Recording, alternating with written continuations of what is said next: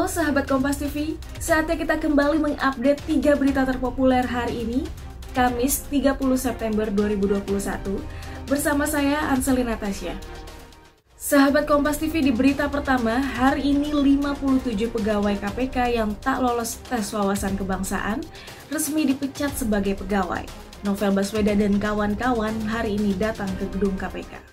Bertepatan dengan hari pemberhentian sebagai pegawai KPK, Novel Baswedan dan sejumlah mantan pegawai KPK hari ini berfoto bersama di depan gedung KPK. Mereka juga melakukan foto dengan melepaskan kartu identitas pegawai KPK yang selama ini digunakan. Selanjutnya, mantan pegawai KPK melakukan long march menuju gedung KPK yang baru.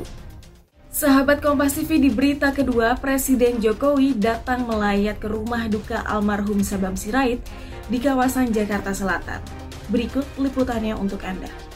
Ucapan duka disampaikan langsung oleh Presiden Joko Widodo yang mendatangi rumah duka almarhum Sabam Sirait di Jalan Depos Raya nomor 34, Pesanggerahan, Jakarta Selatan.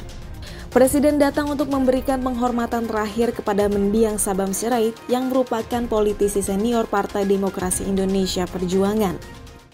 Di berita terakhir, Kepala Staf Angkatan Darat Jenderal Andika Perkasa mengevaluasi kembali pengamanan di posko Ramil TNI AD yang ada di Papua, utamanya di pos perbatasan yang rawan akan penyerangan.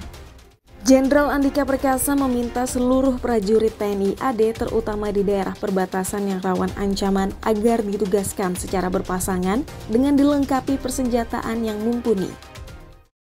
Nah, sahabat Kompas TV, itu dia tadi tiga berita terpopuler yang terjadi pada hari ini.